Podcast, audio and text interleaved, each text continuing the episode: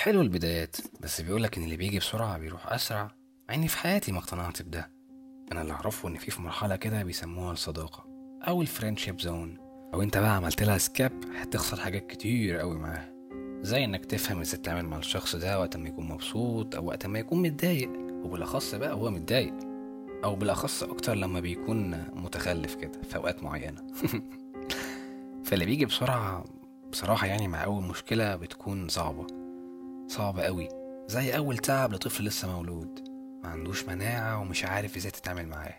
بيكون مخيف. فبصراحة بقى أنت ومناعتك.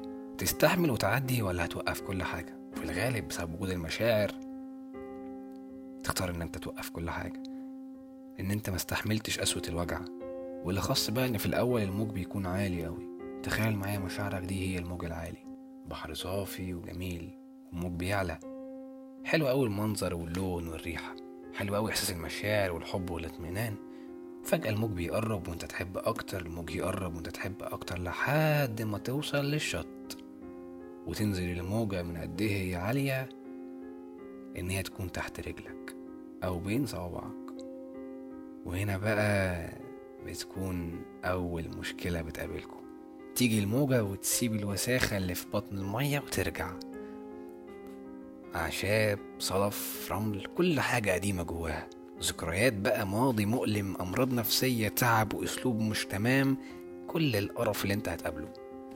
هنا بقى السؤال. يا ترى هتوطي بقى تجيب صدفة وتصورها وتقول الله يا جماعة؟